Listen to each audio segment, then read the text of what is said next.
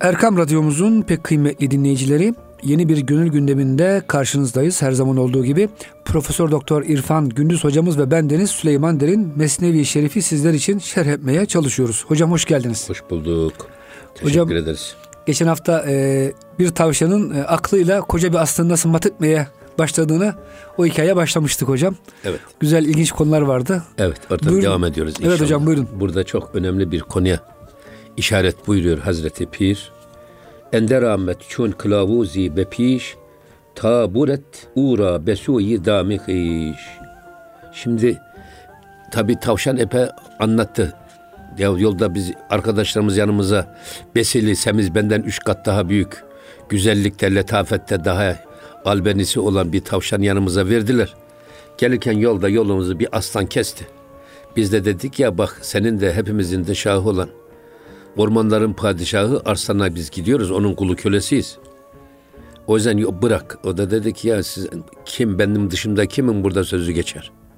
Buranın kralı benim dedi. Ben, Öfkesini kaparttı. Ben ha sizin de dedi o e, Şehin Şah dediğiniz Arslan'ın da e, hakkından gelir sizi paramparça ederim diye şey yaptı. Bunun üzerine tabi Arslan'ın şeysini okşayınca benliğini, enaniyetini e, bu sefer e, Arslan Diyor ki kimmiş o diyor bana böyle meydan okuyan. Kim olursa ben öküzlerin parçalamış, efendim buranın kralı aslanların boynunu bükmüş bir büyük kralım. Böyle birisi nasıl bana meydan okuyabilir diye buna diyor ki hadi düş önüme ve o sizin yolunuzu kesen aslanı bana göster diyor. İşte bu anlamda enderamet çun kılavuzi bepiş. İşte bu tavşan ufacık cürmüne, boyuna, posuna rağmen o bir kılavuz gibi efendim şeyin önüne geçti. Aslanın, önüne Aslanın düştü. önüne düştü. Onu götürüyor. Nereye götürecek? E, taburet ura besuyi damihiş. Halbuki esas onu kendi kurduğu tuzağa doğru götürmek üzere ona kılavuz gibi önüne geçti hani ipinden tuttu aslanı istediği yere götürecek. Çünkü hocam öfkesini ve aşk gözlülüğünü kaparttı diyor e, şarihler. Tabii canım. Dedi ki aslan o tavşan benden üç misli daha büyük. Evet. Biraz aşk gözlülüğünü artırdı. Bir de onun böyle onuruna dokunacak tabii, şeyler söyledi. Ha, enaniyetini okşayacak. Eyvallah. Şimdi burada tabii bir bir defa kılavuz meselesi önemli bir konu. Kılavuzu kargolanın burnu çöplükten çıkmaz derler bizde Anadolu'da. Hangi işte olursanız olun. Sizden daha iyi bilen bir biri varsa onu kılavuz seçin. Onunla istişare edin. Mesela istişare nedir? Akıl danışmak. Hocam biraz sonra gelecek o beyitler. Tabii. Şimdi akıl kime danışacağız biz aklı? İstişareyi kiminle yapacağız? Daha iyi bilen biriyle yapacağız. Doğruyu bilen, daha tecrübeli birisiyle yaparsak o istişare istişare olur. Bir de hocam öyle diyor Mevlana sizi sevecekse dost olacak. Eğer düşmansa tabii. yine bildiği halde sizi e, tabii. kötü yola yönlendirir. Tabii yani. O, İflas tabii, etsin diye. O şeyin müsteşarın vasıfları nelerdir diye düşünülebilir de ama hmm. burada kılavuzluk çok önemli bir şey. Bu ister sanat eğitiminde yani usta çırak ilişkisi içinde. Siz iyi ustayı seçip onun nezdinde çıraklık yaparak meşk ederek onu öğrenirsiniz. Hangi konuda olursa olsun eğer e, öğrenecekseniz öğretmeninizin çok iyi olması lazım. Size kılavuzluk edecek öğretmen çok bilgili, tecrübeli olması lazım ki o öğretmenden istifade edin. Şimdi bu sadece e, işte sporda efendim dünyevi işlerde değil, sanat eğitiminde değil, esasında manevi eğitimde de delile şiddette ihtiyaç var, kılavuza şiddette ihtiyaç var. O yüzden Mevlana sık sık diyor ki, e, bildiğin yol en kısa yoldur. Bir de diyor seyri sülük gidip de dönenlerin izleriyle dolu olan bir yoldur. O yolu gidip gelen bir adamı kılavuz seçersen eğer, o adam sana iki senelik, iki aylık yolu iki günde götürür. Yok kendi kendine gideyim dersen eğer, bu sefer iki günlük, iki aylık yol iki yılda olsa hedefine varamazsın. Çıkmaz sokaklara saparsın. Hocam geçen bir kitapta okumuştum. Şöyle bir soru soruyor. Everest'e çıkacaksınız. Diyor ki birisi diyor ki ben e, bu Everest üç kere gittim geldim. Artı buradaki e, Dağcılar Kulübü'nde işte başkanıyım. Diğeri diyor ki ben gitmedim ama 100 tane kitap okudum.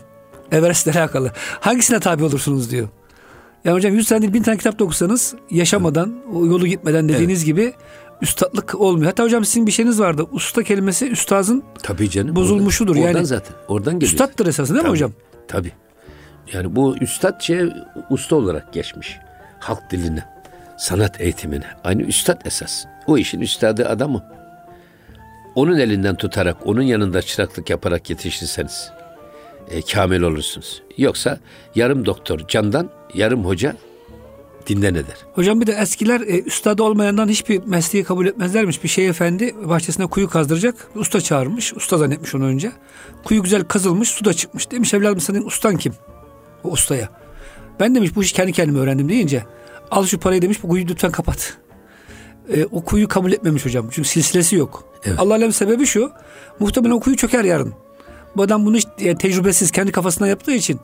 O yüzden hocam eskiler çok kıymet verirdi bu silsileye her konuda yani. Ya bir defa u- ustasız kes paramdır diye bir bizim halk arasında yaygın bir atasözümüz var. Çok güzel bir söz hocam ya. Mesela bir adam e, kendiliğinden çarşıya dükkan açan adam.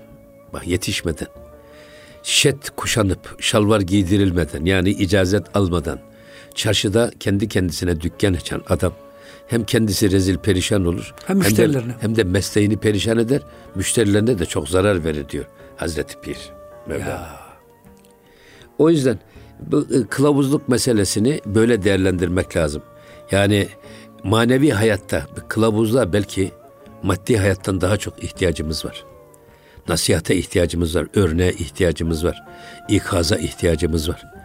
Yanlışımızı efendim gösterecek, bizi doğruya teşvik edecek efendim sohbete ihtiyacımız var.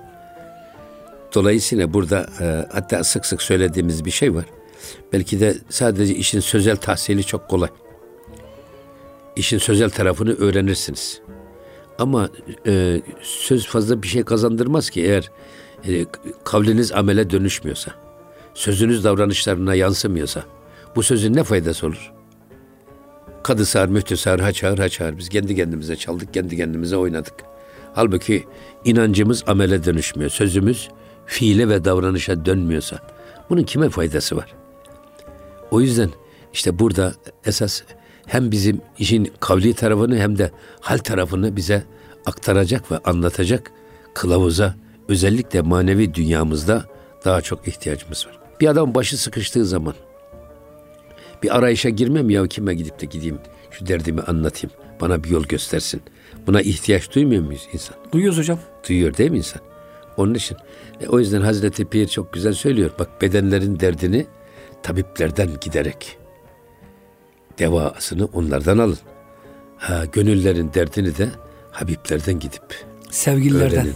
Ondan alın diyor. Allah'ı seven ve sevilen Evet, kimselerden. evet. Hmm, çok güzel hocam. Evet. Şimdi de geliyor. Bak bu e, yalnız tavşan esas bu tavrıyla aslanın önüne düştü. Onu kendi kurduğu tuzağa doğru yola götürüyor. Şimdi diyor ki Su-i cahi ku nişaneş kerdebut. Şimdi bir kendisi bellek koyduğu, iz koyduğu bir kuyuya doğru aslanı götürüyor. Kuyuya doğru. Hocam tavşan dersine iyi çalışmış. Önceden tabii, çalışmış, tabii. planlamış. Su-i cahi ku nişaneş kerdebut. İşaretledi. Bellek koyduğu bir kuyuya. Çünkü bilmediğin bu kuyuya götürürsen eğer bakarsın dibinde su olmaz. O da istediğinde gerçekleşmez. Ama o gidiyor bakıyor bir kontrol ediyor. Keşif yapıyor. Sonra buraya bir iz koyuyor, bir bellek koyuyor ki bu kuyuya getireyim ben bu aslanı diyor. Ya kuyu hocam yeterince derin olmaz aslan geri çıkar. Tabii tabii. Hepsi Onun, onun için e, adam gidip demek ki keşfetmiş. Bak Keşif yapmış bir, evet. iş- bir işi yaparken de gerçekten planlamasını iyi yapmak lazım. Zamandan tasarruf, sermayeden tasarruf, mekandan tasarruf. Dolayısıyla verimlilik esas. Yani istediğimiz neticeyi almak istiyorsak planlı, programlı.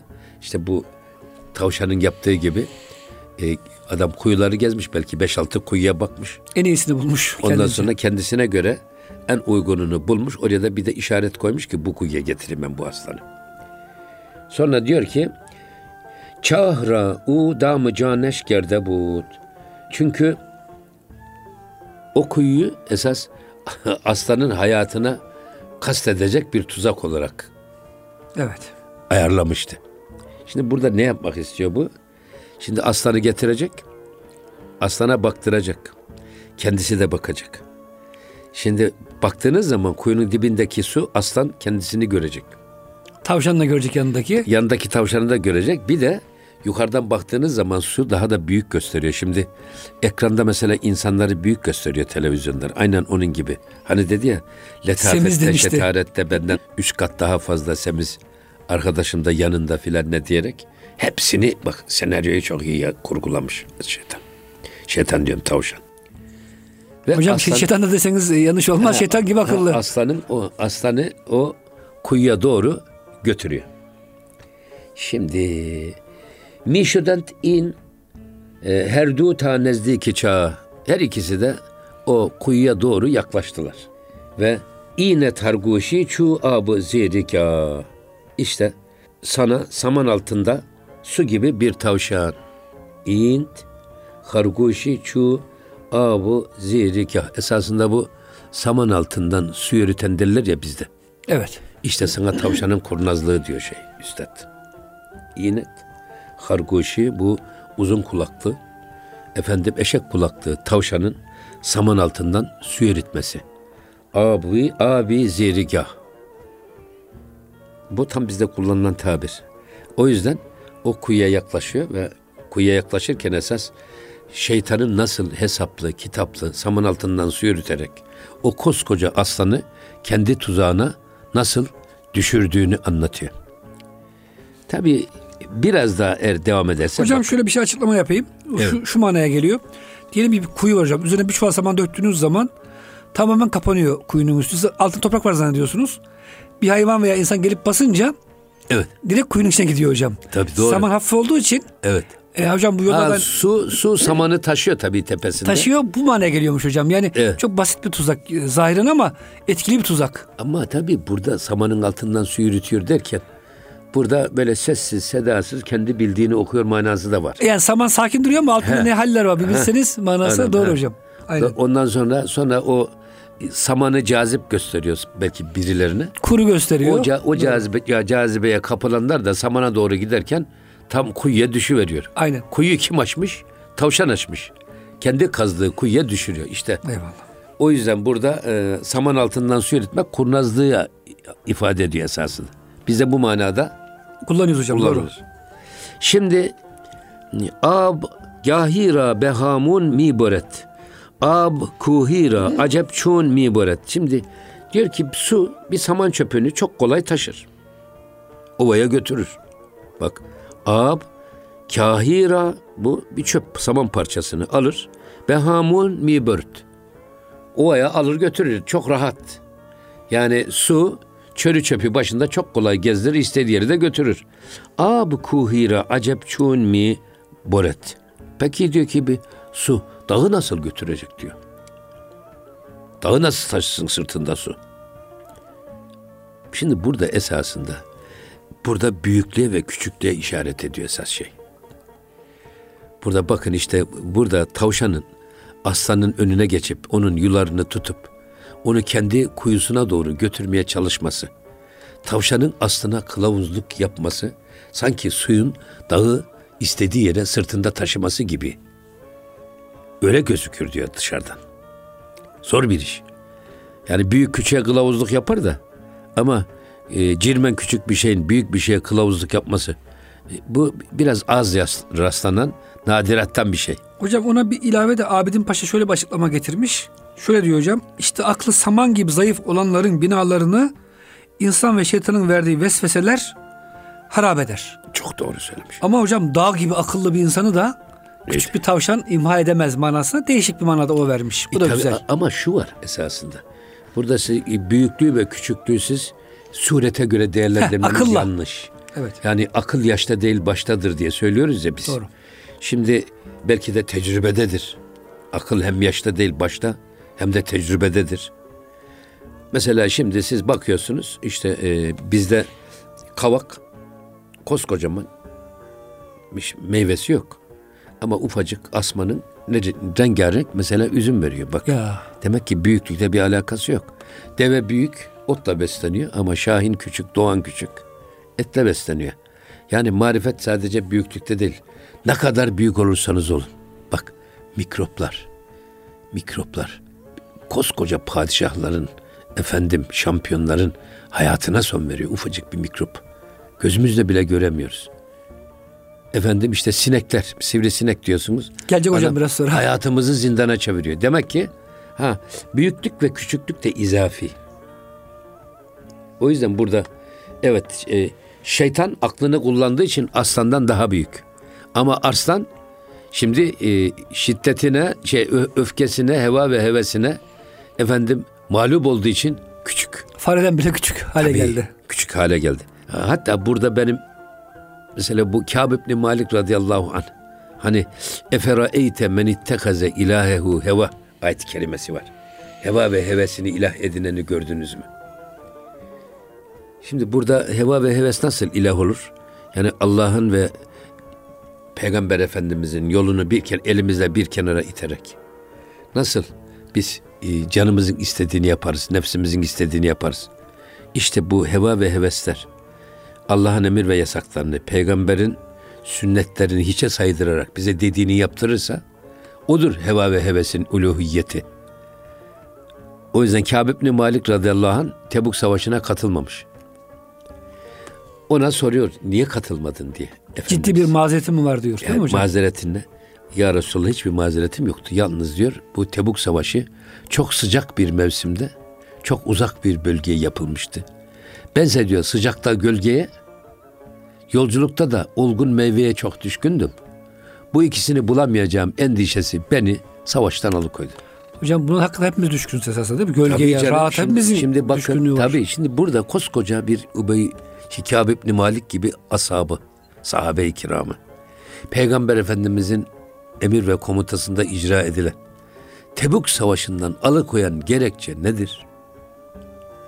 Bir zaafımız, basit bir tutkumuz, belki de alıştığımız bir şeyi bulamayacağımız endişesi. Hocam işte Abidin Paşa ki, bunu tabii, söylüyor hocam. Diyor evet. ki yani e, vesvesesine, keyfine düşkün olanlar ya. e, zayıftır. Bunun aksine duygularına, şeytana, nefsine e, kulak asmayanlar dağ gibi güçlüdür diyor hocam. Doğru, Bu da tabii. güzel bir e, tabii, evet. Alışmış kudurmuştan beterdir. Bak. Alışmış kudurmuştan beterdir. E, dolayısıyla biz e, hiçbir şey alışkanlık kazanmamak lazım. Yani vazgeçilmez olmaması lazım. He, hayatımızda. Zaaf, zaafa dönüştürmememiz lazım. Zaafa dönüştürürsek bizim zaafımızı bilenler o zaafımızı bulur, kullanır ve bizi istediği gibi de yönlendirirler. İstediği gibi oynatırlar. Bu mesela istintak var ya suçluları konuşturma. Yeter ki senin bir şeyini yakalasın. Zaafını yakalasın. Bitti.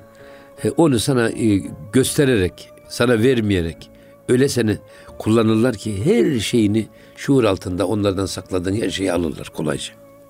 Aynen onun gibi. O yüzden hocam demek ki güçlü insan olmak lazım hem e, siyasette hem de diğer e, sahalarda. Hocam kısa bir araya girelim. Burası çok güzel bir konu oldu. İnşallah e, ikinci bölümde İnşallah. E, devam ederiz. Muhterem dinleyicilerimiz Gönül gündemi bütün hızıyla devam ediyor. Kılavuzun özelliklerini e, İrfan Günüz hocamızla beraber konuşuyoruz. Lütfen bizden ayrılmayın. Erkam Radyomuzun pek kıymetli dinleyicileri Gönül gündeminin ikinci bölümünde sizlerle beraberiz. Profesör Doktor İrfan Gündüz hocamız ve ben Deniz Süleyman Derin. Hocam tekrar hoş geldiniz. Şimdi hocam güzel bir konuydu. Evet. Ee, yani koca bir aslan küçük bir tavşanın peşine düşmüş. Sizin dediğiniz gibi zaaflarından dolayı evet. öfkesini kontrol edemediği için. Buyurun hocam devam edelim. Şimdi burada yani e, evet diyor ki su çörü çöpü başında kolayca çeşir istediği yere götürür. Bu gayet vakayı adiyeden. Ama efendim bir su nasıl koskoca bir dağı sırtında taşır da onu istediği yere götürür. Bugün heyelanlar oluyor bak. Heyelan koskoca dağ kayıyor. Bir şehrin üstüne kayıyor. Bir köy kayboluyor mesela. Özellikle hocam bu Karadeniz bölgesinde. E, e, tabii yani burada esasında şu var. Aklınızı kullanırsanız eğer siz elinizle 100 kiloyu kaldırmanız zor olabilir. Ama bir manivela kullanırsanız belki 200 kilo, 300 kilo yükü maniveleyle kaldırırsınız. O yüzden aklınızı kullanırsanız eğer, bak aklını kullanın.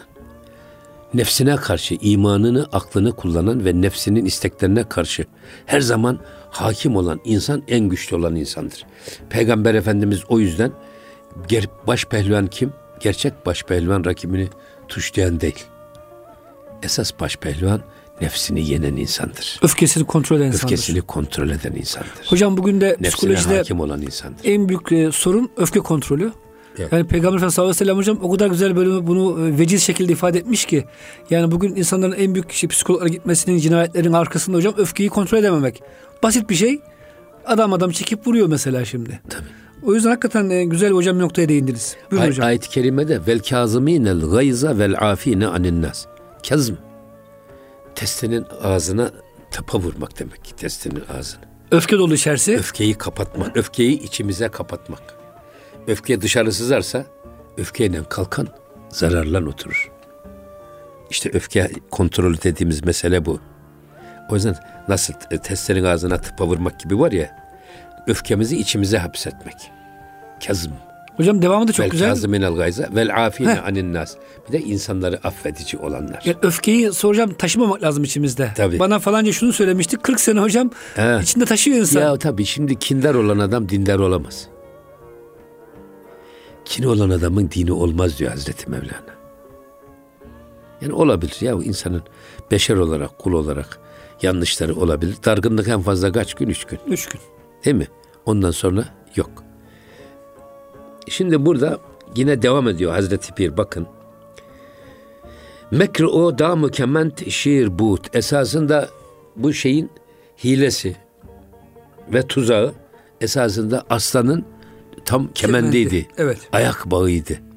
Yani sanki aslanın ayaklarına pranga vurmuş, ellerine kelepçe vurmuş, e, yuları elinde istediği yere doğru götürüyor.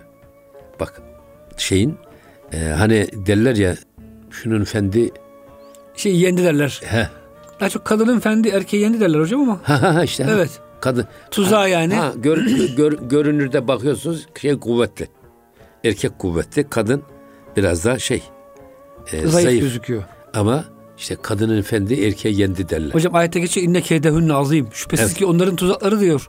Çok büyüktür diyor. Evet yani bu dediğim gibi eğer siz aklınızı kullanarak şey yaparsanız, hareket ederseniz böyle dağları da yerinden oynatabilirsiniz. Himmetür rical taklaul cibal. Kişilerin gayreti, himmeti dağları yerinden oynatır. Öyle değil mi? Hocam bu, Yani bugün gerçekleşmiş Fer- Ferhat, durumda. Ferhat, Evet. Ferhat nasıl dağları delerek şirinine kavuşmuş. Aynen onun gibi.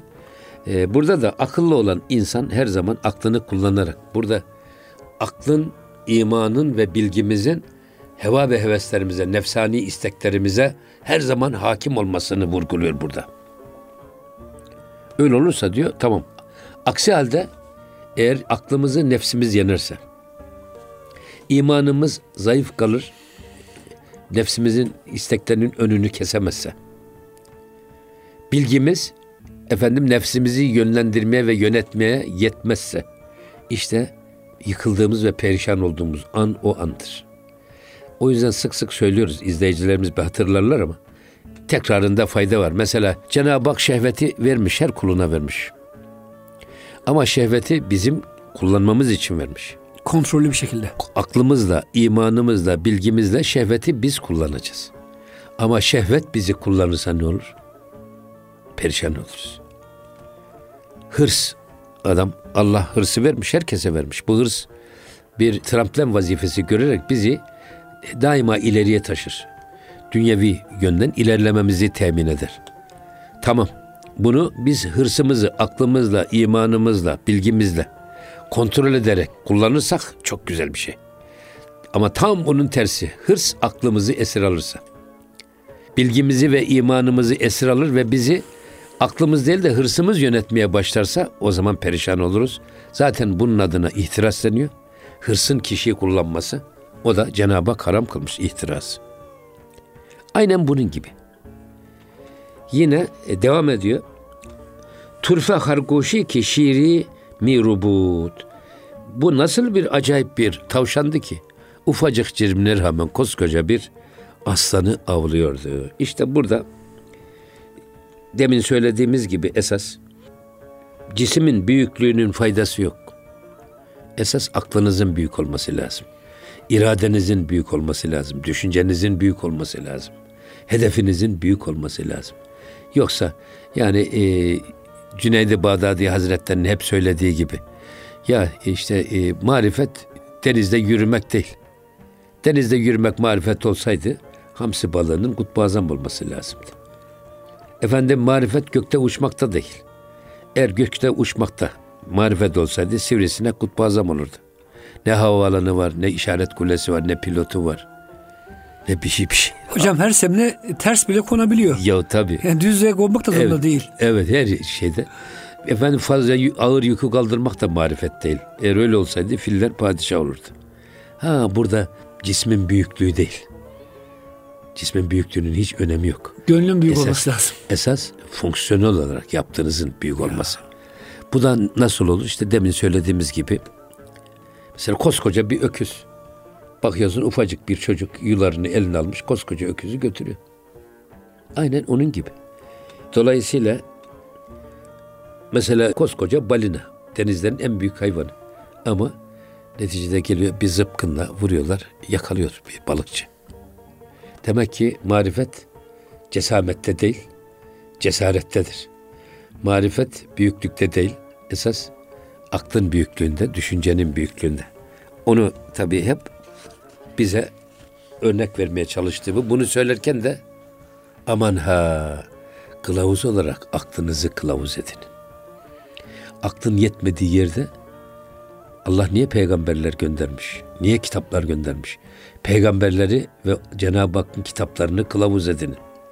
Ama böyle olursa eğer işte siz aynen koskoca fili çocuğun gütmesi gibi, koskoca öküzü yularından tutan bir çocuğun istediği yere götürmesi gibi siz kendinizi yönetirsiniz. Ama tam bunun tersi.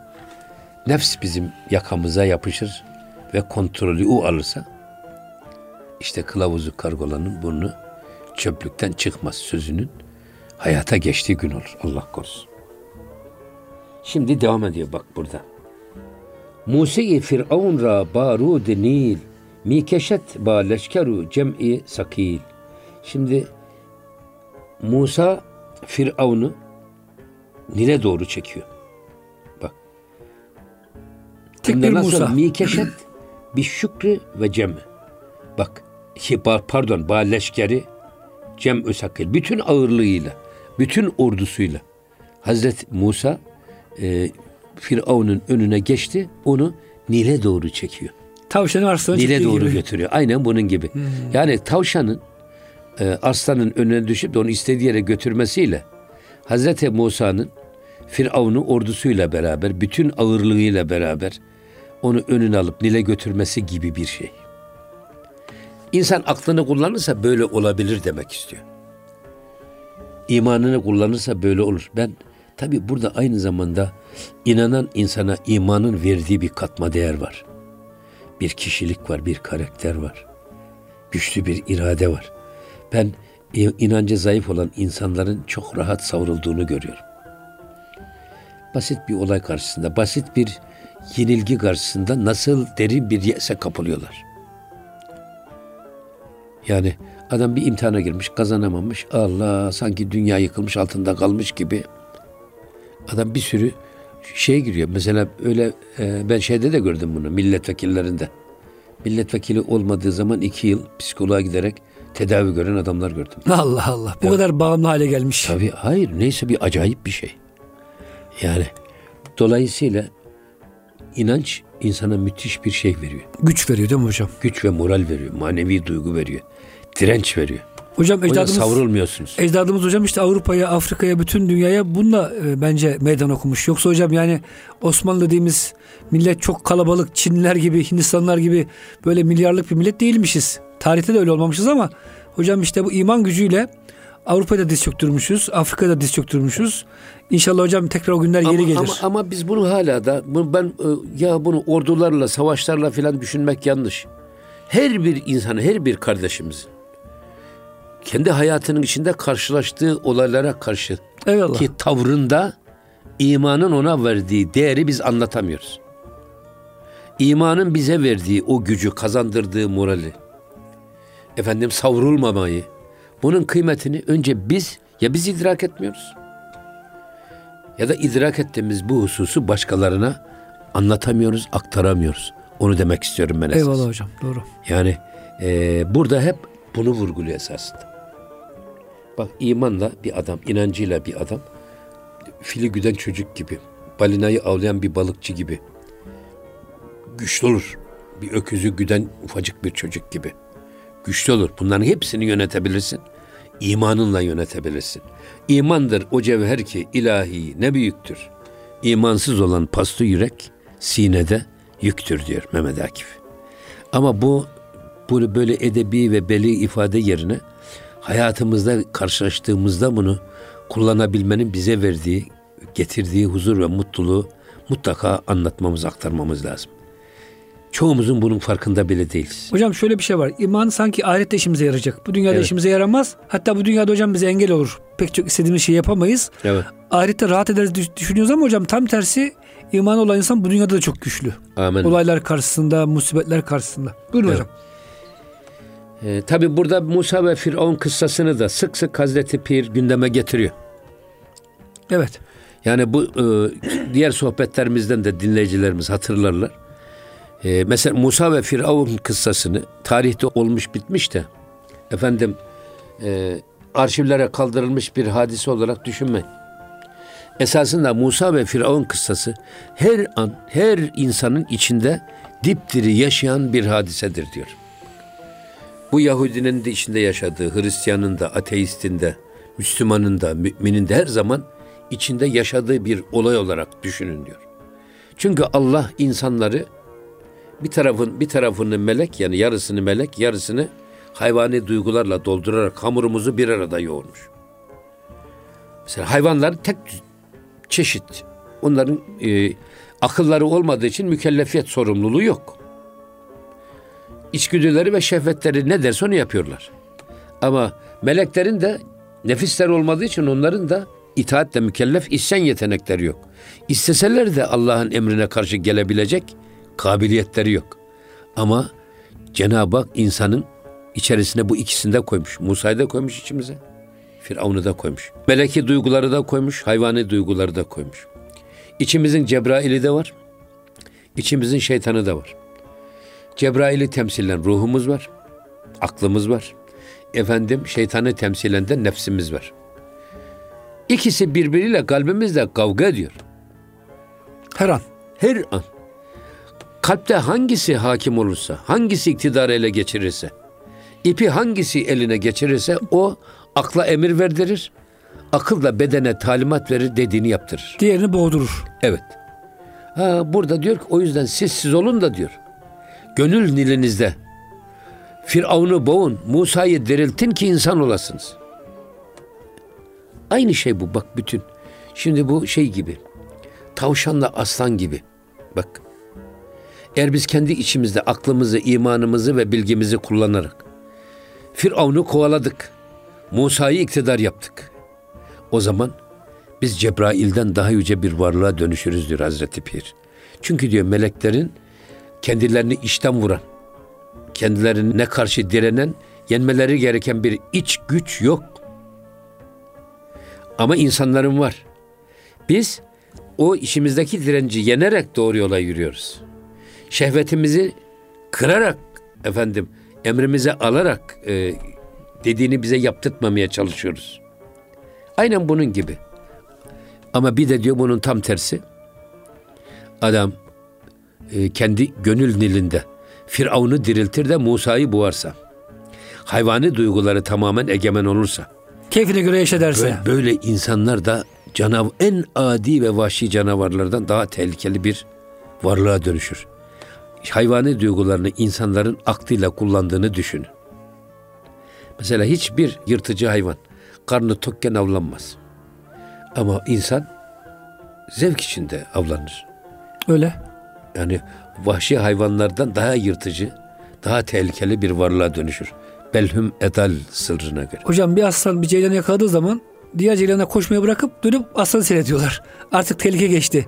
O bir tane yakaladı bir daha kimse yakalamaz. Hepsi eminler. Evet. Halbuki hocam bir insan dediğiniz gibi belki bin tane av avlamış. Tabii. Da on bin tane de avlayacağım diye aynı anda Evet. plan proje yapıyor. O- onun için. Şimdi burada bizim aynen buna dikkat etmemiz lazım. İçimizde hep gönlümüze bakarak, içimize bakarak içimizdeki Musa'yı beslemek ve büyütmek, iktidar yapmak. İçimizdeki Firavun'u, nefsimizi de hep imanımızın ve aklımızın emrinde tutmak. Hocam tasavvuf bunu yapıyor değil mi? Esasında Tabii. zikir, fikir, tefekkür, hepsi rabıta hepsi hocam hepsi. ruhu güçlendirmek. Hepsi. Yani Musa'yı güçlendirmek. Evet. Az yemek, az konuşmak, evet. az uyumak da e, bedenin o hayvani güçlerini esasında Zaten burada, kement altına bağlamak. Hani tarikatlar iki ayrılıyor ya ruhani tarikatlar, evet. nefsani tarikatlar. Ruhani tarikatlar ruhu güçlendiren egzersizlerle ruhu takviye edip nefsi kendisine kul köle etmesini sağlamak. Nefsani tarikatlarda da metot nefsi zayıflatarak yine ruhun hakimiyetine yol açmak. İkisi de aynı hedefe varıyor. Mühim olan gönül saksımızda bizim esas Musa'yı iyi besleyip büyütmek. Yani Mevlana bir yerde de böyle diyor yani adam. E, şimdi siz saksıdaki çiçeği ektiniz ona su veriyorsunuz. Saksıya mı hizmet etmiş olursunuz çiçeğe mi? O büyüyen Musa çiçeğine bizim hizmet etmemiz lazım. Gönül vazomuzda onu yetiştirmek. Hocam bugün de nedense tam tersi hep bedeni beslemek. İşte kuaförler hocam, lokantalar yani hep böyle hastaneler hep bedenle alakalı e, farkındalığımız çok fazla.